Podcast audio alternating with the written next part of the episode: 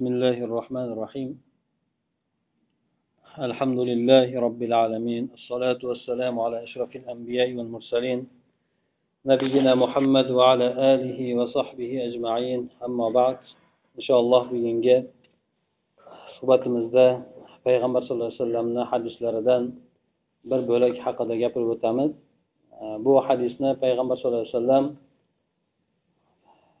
amakivachchalari abdulloh ibn abbos roziyallohu anhuga qilgan vasiyatlarini jumlasida keladi. Payg'ambar sallallohu alayhi vasallam alloh tomonidan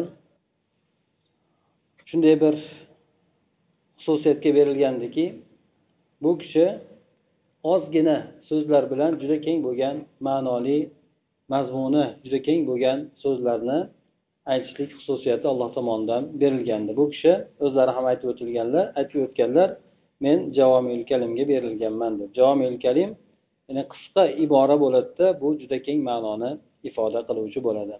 Ana o'sha payg'ambar sallallohu alayhi vasallam berilgan xususiyatlarda aytib o'tilgan jomiyul kalimda misollardan bittasi bu kishi aytgan so'zlari ta'arrof alallohi firraho yarifga fi shidda degan ibora ya'ni buni mazmuni shundan iboratki sen alloh taologa kengchilik bir farovonlik bo'lgan paytida alloh taoloni tanigin.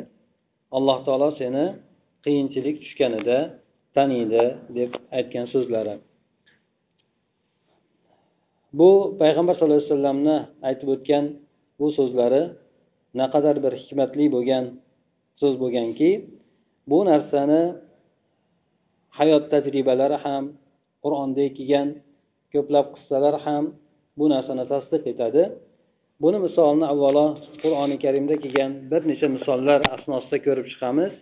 Ya'ni inson qachoniki alloh taoloni kengchilik bo'lgan bir farovonlik bemalollik sog'lik bo'lgan paytida alloh taoloni eslab yurganu keyin qiyinchilik boshiga tushgan paytida musibat tushgan yoki kasallik insonni qoplagan paytida alloh taolo tomonidan u bandani ijobat qilinib o'sha tushgan boshiga tushgan musibatga alloh taolo bir ilojni davoni berganligi mana qur'oni karimni ba'zi qissalarida aytib o'tiladi. Bulardan avvalo mana yunus alayhissalomni qissasini olib qaraydigan bo'lsak bu kishi qavmini uzoq alloh taologa da'vat qiladi. Qavmi esa sarkashlik qilib bu kishini da'vatlarini qabul qilmaydi. Ana o'shandan keyin oxiri bo'lmagandan keyin bu kishi qavmiga qarab aytadiki sizlarga uch kun muhlat deydi. Agar uch kun ichida sizlar o'nglanmasalaringiz alloh taolo tomonidan sizlarga balo tushadi deb ogohlantirib ketadi. Bu kishi o'sha shaharni tashlab chiqib ketayotgan paytida o'zi aslida nuh alayhissalomni olib ko'radigan bo'lsak avval ham bu kishini qissasini aytib o'tgan edik. Ming yil da'vat qilganu shunda ham bu kishi oxirgi ming yil da'vat qilgandan keyin qavmini umuman islomga kirishligi o'sha dinni qabul qilishligidan nomud bo'lgandan keyin duo ibodat qiladi. Shu bilan ular halok bo'lib ketadi. Lekin bu kishi uncha darajada bo'lmasdan ozroq bir da'vat qilgandan keyin qavmi ijobat qilmaganligini ko'rganda bularga alloh tomonidan baloni so'rab turib bu kishi qavmini tashlab chiqib ketadi. Shunda alloh taolo bu kishi bu holatda chiqib ketganligi uchun alloh taolo bu kishiga bir e, imtihonni beradi. Bu imtihon tashlab chiqib ketayotgan paytida kemachilar bilan birgalikda bo'ladi. O'sha kemaga tushgan paytida bu kishini qissasi ma'lum. Kema demak cho'kishlikni boshlaydi qayiq cho'kishlikni boshlaydi. Shunda ular aytadiki kemamizda qayig'imizda demak odam ko'payibdi. Demak kamayishligimiz kerak dedi. Keyin qur'a tashlashlikka rozi bo'lishadi. Bir necha marta qur'a tashlaydi hammasida yunus alayhissalomni chekiga tushadi. Qayta qayta tashlaganda ham demak bu kishi keyin oxiri o'zini o'sha dengizga tashlashlikka majbur bo'ladi. Dengizga tashlagan paytida alloh taolo tomonidan bir kitga buyuriladi. Bu kit u kishini tiriklay bo'yin shunday yutadida u kishi kitni qornida saqlanib qoladi. Ana o'shandan keyin bu kishi o'sha kitni og'zida turgan paytida alloh taologa la ilaha illa ant subhanak inni kuntu minaz zolimin deb duo qiladi. Ey parvardigor olam sen yagona yolg'iz bo'lgan zotsan men o'zimga o'zim zulm qilib qo'ydim deb bu kishi bu duoni ko'p aytadi. Ana o'shandan keyin alloh taolo bu kishiga najot beradi. O'sha ket qanday yutgan bo'lsa hech qaysi bir a'zosiga zarar yetkazmagan holatda yana tashqariga chiqarib tashlaydi. Shunda alloh taolo bu kishi borasida aytadiki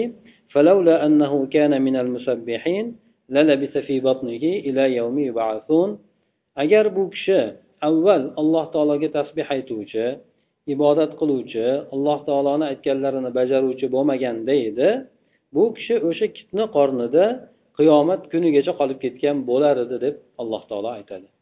Demak u kishini o'sha kitni qornidan najot topishligiga bo'lgan sabab bu kishi avval o'sha kitni qorniga tushishligidan oldingi bo'lgan davrida alloh taologa bir yaqin banda bo'lganligi allohni aytgan ibodatlarini qilganligi. Mana shu narsa u kishini keyingi hayotida musibatdan qutulishligiga sabab bo'ladi. Yana bir boshqa bir xuddi shunga o'xshagan boshqa bir qissani olib ko'radigan bo'lsak. Bu qissa endi alloh taologa osiy bo'lib yashagan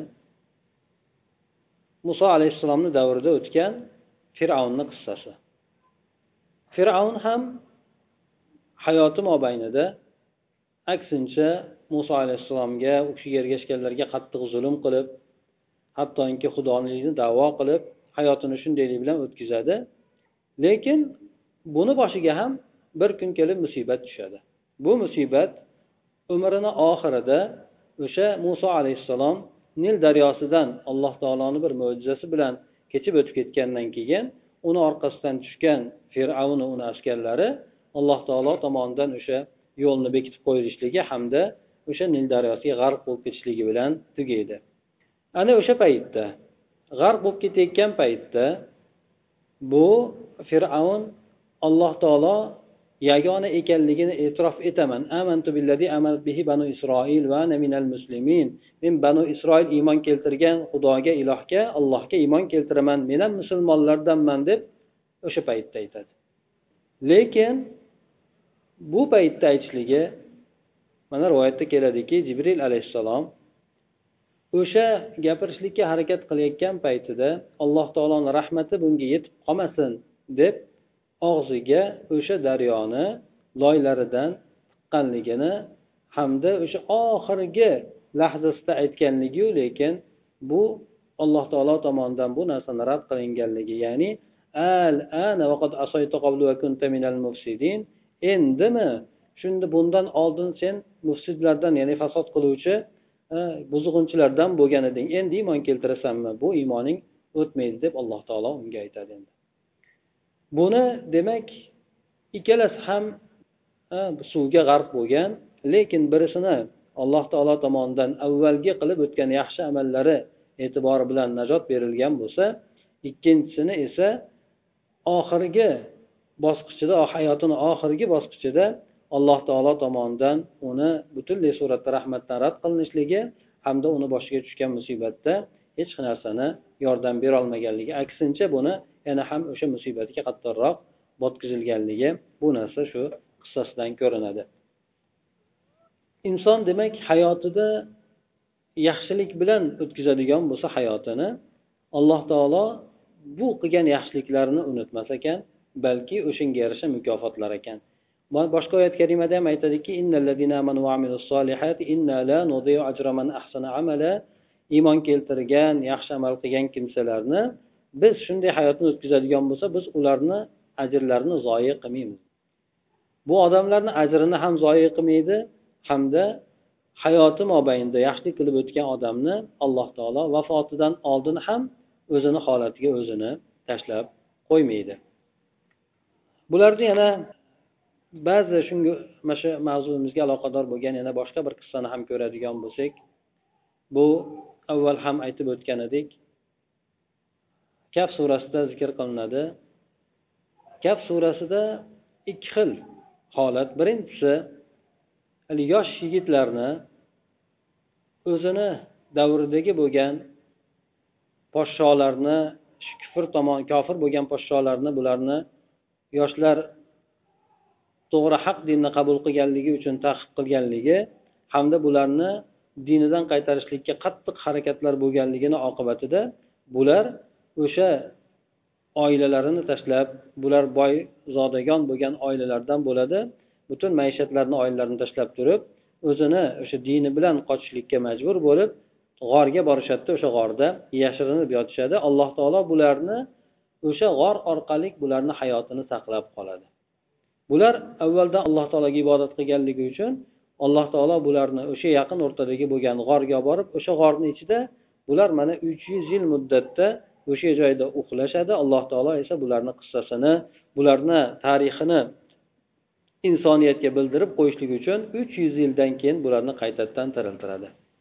Qaytadan bularga yana shu uyqusidan uyg'otadi. Shu bilan bularni qissasi hammaga oshkor bo'ladi.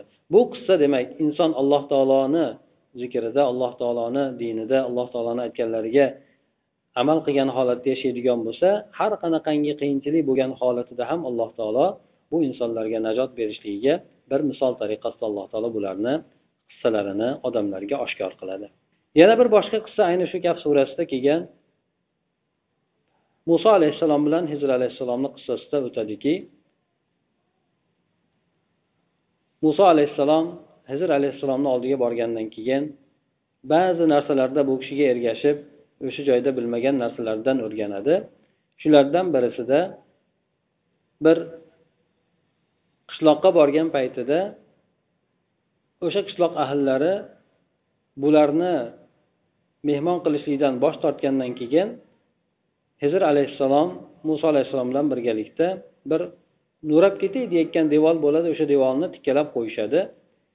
Shunda muso alayhissalom aytadiki shu qilgan ishimizga haq olib turib o'zimiz biron narsa olib yesak bo'lmaydimi deganda bu kishi o'sha ishni nima uchun qilganligini sababini so'rama to o'zi aytmagungacha so'ramasligini muso alayhissalomga oldin kelishgan bo'ladi. Aytgandan keyin mana shu joyda demak biz e, sayohatimizni safarimizni to'xtatamiz deb u odam hezr alayhissalom keyin muso alayhissalomga o'sha bo'lib o'tgan narsalarni voqealarni sabablarini aytib o'tadi. Shunda bu devorni tiklab qo'yganligini sababini aytadiki bu devorni ostida xazina bo'lgan edi. Bu xazina bir solih bo'lgan odamni xazinasi edi. U odam o'zini ahli oilasi uchun farzandlari uchun qoldirgan edi.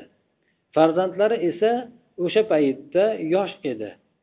Ha bular agar devor yiqiladigan bo'lsa xazina ko'chaga tashqariga chiqib qolardida shu bilan uni egalari chiqib qolardi yoki u bolalarga tegadigan bo'lsa u bolalar hali tasarrufni yaxshi bilishmaydi.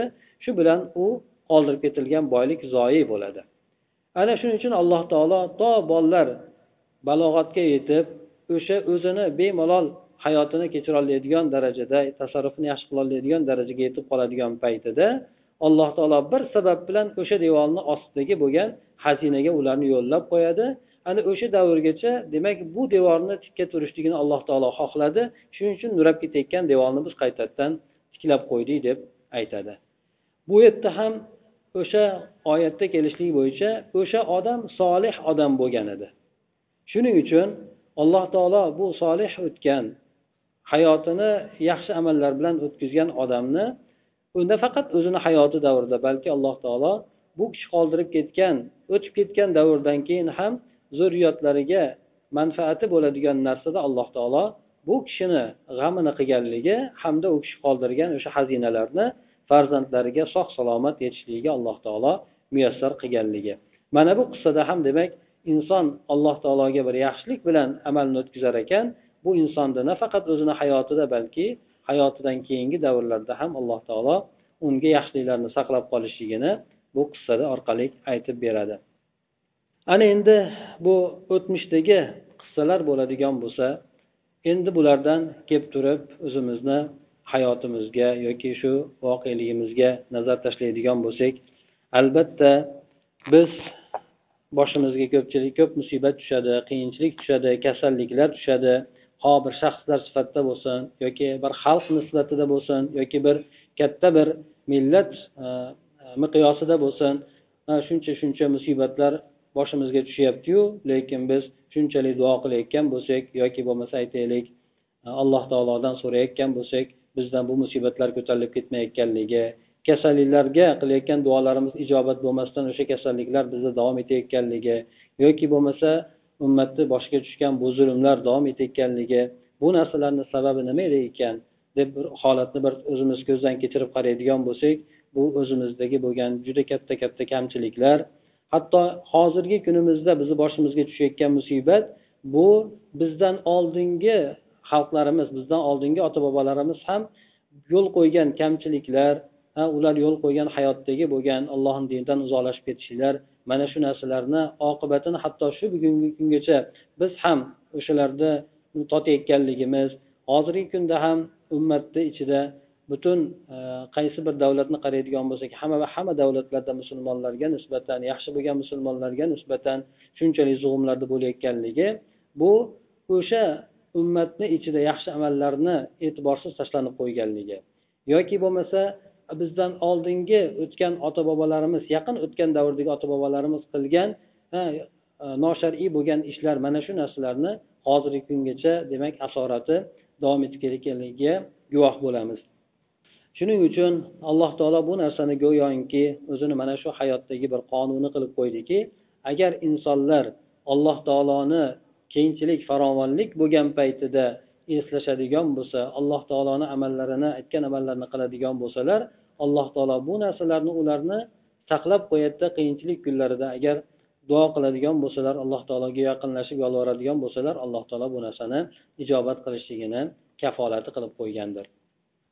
Ana endi bir holatni qaraydigan bo'lsak mana farishtalar aytar ekanki agar inson bir alloh taologa yaqin bo'lib o'tgan inson alloh taologa duo qiladigan bo'lsa parvardigori olam bu bandang bu tanish ovoz senga duo qilib so'rayapti uni ijobat qilgin deb ular o'sha avvaldan alloh taologa ibodat qilgan alloh taologa duo qilib yurgan bandani qiyinchilik payti kelib qolgan paytida farishtalar ham alloh taolodan qo'shilib so'rar ekanki parvardigor olam bu tanish ovoz bunga ijobat qilgin deb turib. Ana endi o'zimizni holatimizga qaraydigan bo'lsak qiyinchilik tushgan paytida alloh taoloni hamma eslaydi. Hattoki ibodatsiz bo'lgan hattoki ishtoni yo'q bo'lgan hammasi xudoni eslaydi. Agar bir boshiga bir yo samolyotda ketayotgan bo'lsin yo bir poyezdda bo'lsin yo bir qanaqa bir nimada bo'lishidan qat'iy nazar bir ozgina bir sarosimaga tushiradigan narsa sodir bo'lib qoladigan bo'lsa darrov hammasi xudoyimni eslab xudoga duo qilib ketishlik tavba qilib ketishlikni boshlashadi. Lekin bular kengchilik bo'lgan paytida qayerda edi farovonlik bo'lgan paytida sog'lik bo'lgan paytida yoki bo'lmasa yoshlik bo'lgan paytida boyligi bo'lgan paytda bular qayerda ediki o'sha paytlarda alloh taoloni eslamasdan alloh taologa duo ibodat qilmasdan ana qiyinchilik boshiga tushadigan bo'lsa bu insonlarda alloh alloh taoloni eslab qoladi. Lekin mana bu o'rinda alloh taolo bularga ko'p holatlarida e'tibor qilmaydi ularni qilgan duo duolarni ijobat qilmaydi. Shuning uchun inson albatta inson boshidan farovonlik paytlarini o'tkazadi sog'lik paytlarini o'tkazadi yoshlik paytlarini o'tkazadi. Mana shu paytlardan foydalanib qolishlik kerak. Alloh taologa aytganimizdek ibodatini qiladigan bo'lsa aytganlarini qiladigan bo'lsa insonni boshiga qiyinchilik tushganda deydi alloh taolo buni o'sha qiyinchiligini inson duo qilishligi bilan ko'tarib qo'yadi. Bu narsani ko'pchilik o'zini hayotidan ham yoki bo'lmasa o'tmishdagi yaqin atrofdagi bo'lgan qissalardan odamlarni holatlaridan ham buni kuzatsa bo'ladi. Inson boshiga qiyinchiliklar kam tushishi mumkin. Kasalliklardan inson ba'zan sog'lom bo'lishi mumkin. Musibatlardan ba'zan omonda bo'lib qolishi mumkin. Lekin hech qaysi bir inson o'lim holatidan omonda bo'lib qololmaydi. Hech qaysi bir insondan o'lim xato ketmaydi.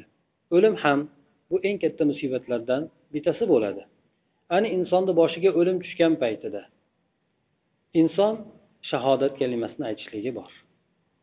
Payg'ambar alayhissalomdan hadis bor kim dunyodan oxirgi kalimasi la ilaha illalloh muhammad rasululloh bo'ladigan bo'lsa u inson jannatga kirishligini bashoratini bergan endi lekin mana shu oson bo'lgan so'z ba'zan inson talab qilsangiz aytishligi mumkin.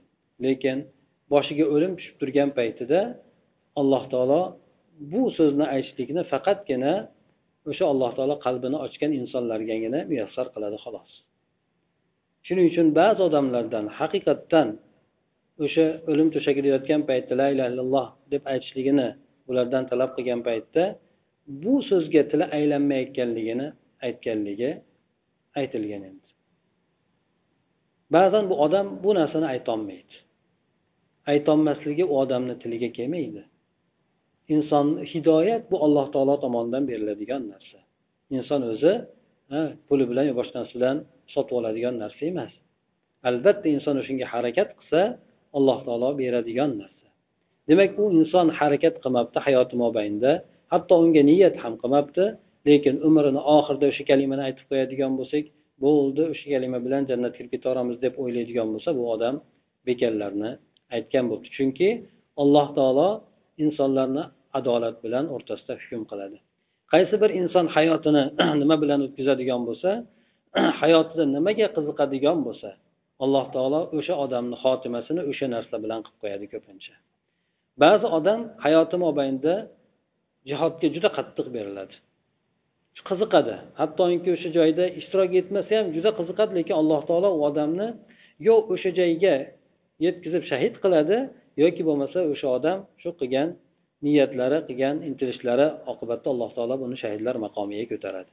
Ba'zan insonni eshitamiz tahorat qilayotganda vafot etibdi yoki bo'lmasa joynamozda ustida turgan paytida yoki qaysi bir yaxshi amalni qilayotgani ustida bu odam jon taslim qilganligini eshitib qolamiz.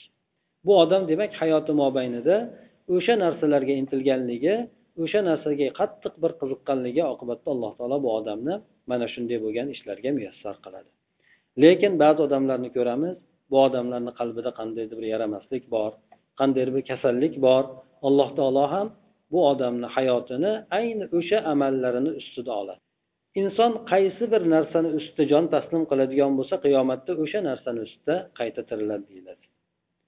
Shundan mana hajga ketib ehromda o'tgan odamlar qiyomat kunida labbaykani aytgan holatda tiriladi degan. Shahid odam agar vafot qiladigan bo'lsa qiyomat kunida bu odam ham o'sha badallaridan qon oqqan holatida qayta tiriladi rangi qonu lekin hidi mushukni hididek bo'ladi deydi.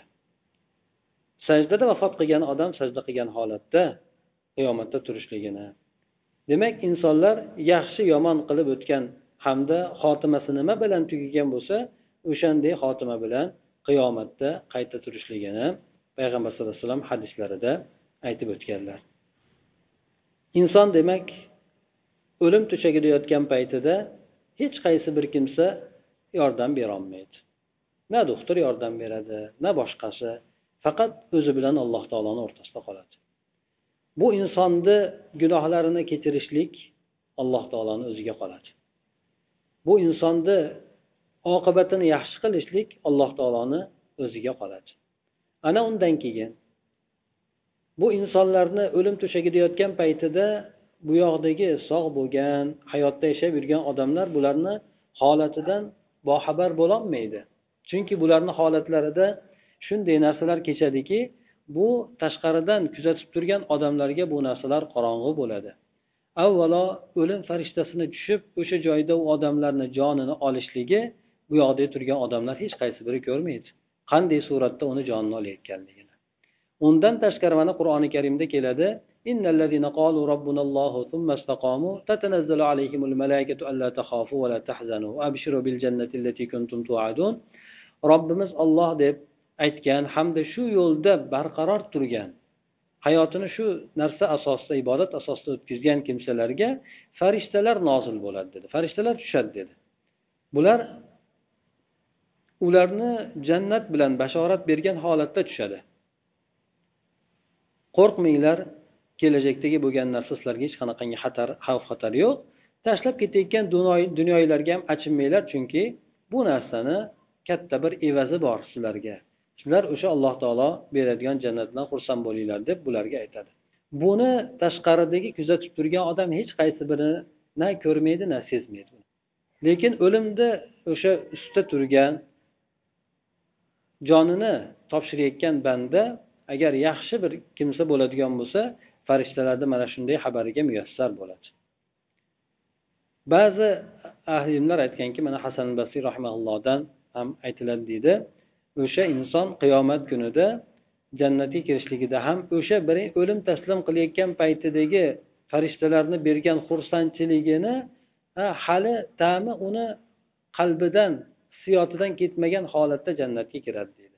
Ya'ni o'sha inson juda qiyinchilikka oqibatim nima bo'lar ekan deb turgan paytida farishtalar tomonidan unga xushxabar berilishligi mana bu narsa haligi insonni qabrdagi hayotini ham undan keyingi oxiratdagi hayotini ham bir maroqli bir rohatli o'tishligiga kafolatgarov bo'ladi endi. Lekin bu narsa o'zidan o'zi bo'lib qolmaydi. Shuning uchun ya'ni alloh taologa iymon keltirgan hamda o'sha narsani ustida barqaror bo'lgan to'g'ri alloh taolo ko'rsatgan yo'lda davom etgan kimsalarga shunday bashorat berilishligini aytib o'tilgan. Lekin alloh taoloni dini bilan kurashgan alloh taoloni diniga qarshi turgan insonlarga zulm qilgan odamlarni o'lim taslim qilishligini agar inson bir kuzatadigan bo'lsa bularni qanday bir yomon bir holatlarda jonni olganligi bulardan bir misoli bir mustafo otaturkni qanday jon taslim qilishligini aytib berishgan edi. Alloh taolo bunga shunday bir qattiq bir dardni bergan. O'sha dard alam achchiqligidan shunaqangi qattiq baqirar edi. Hattoki o'sha baqirgan paytida odamlar eshitmasligi uchun o'sha joyda turgan mana istanbulda nima dengizda o'sha ko'rfazni qirg'og'ida unga alohida qasr qilingan ekan. O'sha joyda turgan e, kema nimasini cholardi? deb aytishgan. Shunaqangi darajada alloh taolo bunga qattiq bir dard alamni bergan. Hattoki o'sha dard alam boshiga urmasa tuzal ya'ni e, tinchimaydigan holatdagi bir dard alamni bergan deydi. Undan tashqari boshqa shunaqa zolimlarga bergan alloh taoloni musibati. Yaqinda mana bergan olib ko'radigan bo'lsak mana ariel sharon degan yahudlarni nimasi bo'lgan edi? Bu bir uch yilmi bo'ldi. Bu hali ham o'sha komada yotibdi. Komada yotibdi. Na o'ligi bor na tirigi bor. Lekin yaqinda nimasi chiqdi? Buni ichaklari chirishlikni boshlagan o'sha joyni qirqib tashlashlik uchun buni operatsiya qilishlik zarur deb mana yaqindagi kunlarda aytishdi bu narsani. Yana buni ushlab turishligi uchun yana davlatga qancha bir katta mablag' kerak bo'ladi deydi bundan tashqari bu odamni shunday bir hali o'lmasdan turib alloh tomonidan bu odamga berilayotgan azoblar hali agar shu o'ladigan bo'lsa bundan kattaroq azoblarni totishligiga bu narsalar ham dalolat qiladi. Bundan tashqari bu odam falastinliklarni boshqa arablarni musulmonlarni juda shafqatsizlik bilan qirganligi uchun alloh tomonidan berilgan bu odamga nisbatan jazo endi. Boshqa agar shunaqa zolimlarni hayotiga ham ko'riladigan bo'lsa hech qaysi birlari bir hayotini bir rohat farovonlik bilan oxirgi hayotini yashab o'tib bir yaxshilik bilan bir jon taslim qilganligi bularda kuzatilmaydi. Bular sababi hayoti mobaynida alloh taoloni tanimaganida bular qiyinchilik bo'lgan paytda alloh taolo bulardan yuz o'giradi alloh taolo bir oyat kalimada keltirib o'tadiki hayotini kengchilik bo'lgan paytlarida ollohdan yuz o'girib o'tgan odamlarga nisbatan bularni do'zaxga ko'ndalang qilgan paytida aytiladiki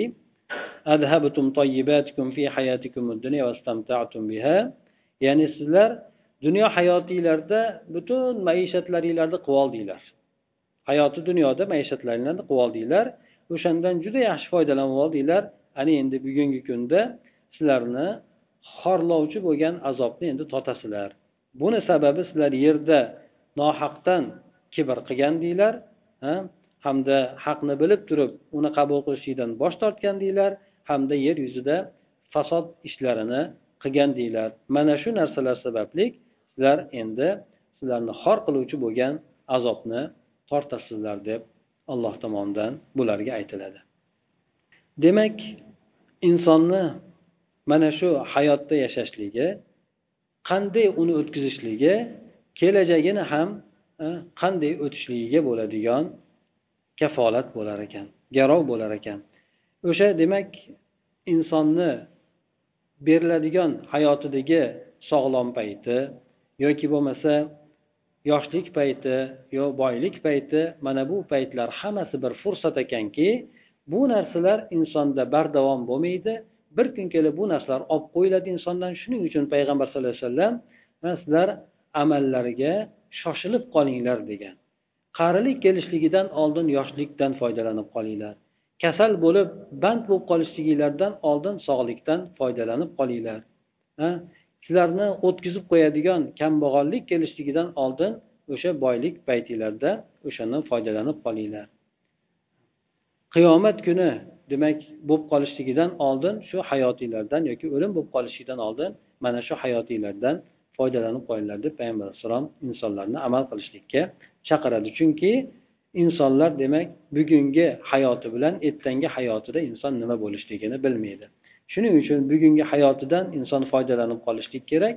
Shu bugungi hayoti ertangi hayotini yaxshilik bilan tugashligi yoki bo'lmasa yomonlik bilan tugashligini o'sha garovi bo'ladi.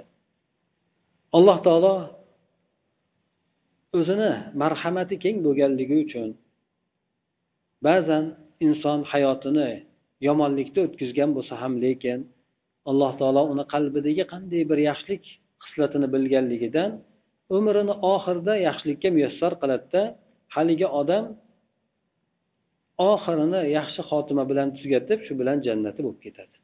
Lekin mana bu hayotida odamlarni ko'ziga riyo qilib o'zini yaxshi ko'rsatib yashayotgan odamlar esa alloh taolo bularni qalbidagi o'sha marazini bilganligidan umrlarini oxirida bularni bir sharmanda holatlari bo'ladida mana shu bilan bular do'zax odamlarini amallarida amal qilib oxiri do'zaxga qarab ketib qolishadi. Lekin insonni qalbida agar yaxshilik niyati bo'ladigan bo'lsa bu inson hayotini yaxshilik bilan o'tkazgan bo'lsa alloh taolo yaxshilikka muyassar qiladi.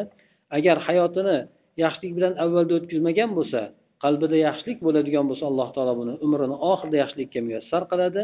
Lekin qalbida marazi bo'ladigan bo'lsa fasodi bo'ladigan bo'lsa umrini oxirida alloh taolo bularni sharmanda qiladi hamda oqibatini esa do'zaxda qiladi.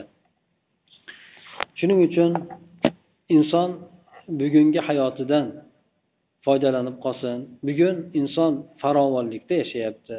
Sog'ligi bor boyligi bor quvvati bor hamma yo'g'i imkoniyati bo'lgandan keyin alloh taoloni eslasin. Chunki insonga berilayotgan bu holatlar vaqtincha bo'lgan holatlar hisoblanadi. Ha qanday ustiga ertangi kunda musibat tushadigan bo'lsa allohga yolvorib duo qiladigan bo'lsa shu bugungi kunda qiladigan ibodatlari alloh taoloni tanishligi o'sha paytda alloh taolo uni tanishligiga sabab bo'lar ekan. Agar yo'q imkoniyatdan foydalanmasdan aksincha ollohdan uzoqda bo'lgan holatda beparvo yashaydigan bo'lsa har bitta insonni boshiga albatta musibat tushishligi aniq. Bu narsa musibat tushgan paytida bu inson hech kimdan yordam ololmaydi. Hattoki alloh taolo ham bu insonga hech qanday bir yaxshilik holatini nasib etmaydi. Alloh taolo hayotimizni bir mazmunli o'tishligiga muyassar qilsin. Har bir holatimizdan foydalanib qolishlikka yoshlik bo'lsin. Boylik bo'lsin sog'lik bo'lsin yoki jasadimizni harakat qilib turganligi bo'lsin aqlimizni joyida turganligi bo'lsin mana shu narsalar bilan alloh taolo hammamizni yaxshi foydalantirib qolsin. Chunki bu narsalar alloh tomonidan berilgan omonat ertangi kunda bu narsalarni biridan ertaroq biridan kechroq holatda alloh taolo olib qo'yadi. Lekin ana o'shanday bo'lgan paytda alloh taoloni agar yaxshi paytimizda eslab yurgan bo'lsak alloh taolo bizlarni qiyinchilik boshimizga tushgan paytida yolg'iz qo'ymaydi. Alloh taolo demak o'sha bandasini e, hattoki dard beradigan bo'lsa ham sabrni bildirib qo'yadi. O'sha dardni insonni foydasiga ajr oladigan holatga aylantirib qo'yadi. O'sha dardi orqali alloh taolo uni darajotlarini ko'taradi. Aks holda esa bu insonga dard berilishligi bu dunyoda ham hech qanaqangi manfaat keltirmaydi alam azob keltirsa oxiratda ham hech qanday insonga ajr bermaydigan holatda o'sha dard bilan inson balolanib qolishligiga sabab bo'ladi. Alloh taolo mana shunday bo'lgan holatlardan hammamizni saqlasin.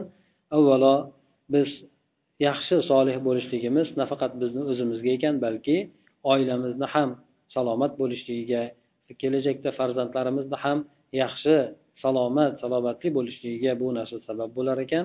Shuning uchun bizni yaxshi yashashligimiz ko'p narsalarga bog'liq bo'lganligidan bu hayotimizdan ko'proq foydalanib qolaylik alloh taolo bizni barcha o'zi yaxshi ko'rgan narsalarga muyassar qilsin nima narsada alloh taoloni roziligi bo'ladigan bo'lsa o'sha narsalarga bizni muyassar qilsin سبحانك اللهم وبحمدك نشهد أن لا إله إلا أنت نستغفرك ونتوب إليك